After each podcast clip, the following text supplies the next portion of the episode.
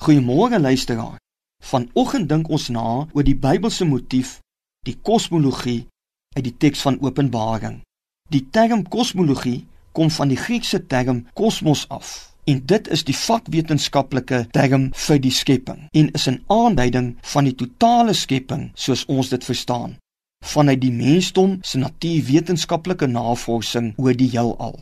Hier praat ons van die Bybelse kosmologie omdat ons put net uit dit wat die Bybel in hierdie teks daaroor sê.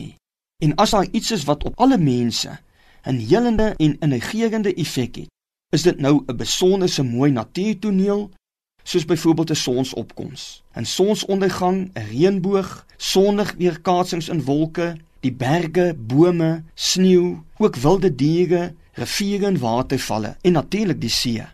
Daar is dikwels ook bewondering vir mense konstruksies soos huise, damme, brûe, spoorlyne en paaie. In Openbaring word daar gepraat van 'n reënboog, berge, die spieelgladde see, die son, maan, die sterre, die diere as lewende wesens, edelstene, riviere met water so helder soos kristal wat lewe gee vir 'n stad. Ons lees van 'n stad met strate van goud met vrugtebome wat vir 12 maande van die jaar vrugte dra en die blare van die boom wat lewe bring en genesing vir die mense. Kom ons kyk vanoggend met nuwe oë na die totale skepping. Ook na konstruksies en paaie, die brûe en die geboue wat die mense opgerig het en so mooi kan maak. Kom ons kyk met oë van bewondering en waardering. Kom ons skep ook 'n gedagte aan iets wat ons vandag nuut en kreatief kan doen om ons werkplek, ons woonplek of ons omgewing nuut en mooier te kan maak.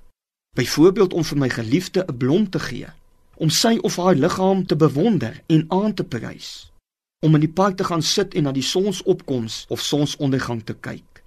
Ons kan gaan stap langs die strand en opnuut kyk na die see en die branders en dink aan die wonderlike verskeidenheid van lewe onder die seewaters.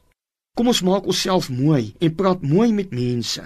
Kom ons wees vriendelik, opbouend en inspirerend en moedig ander mense ook aan om dit te doen.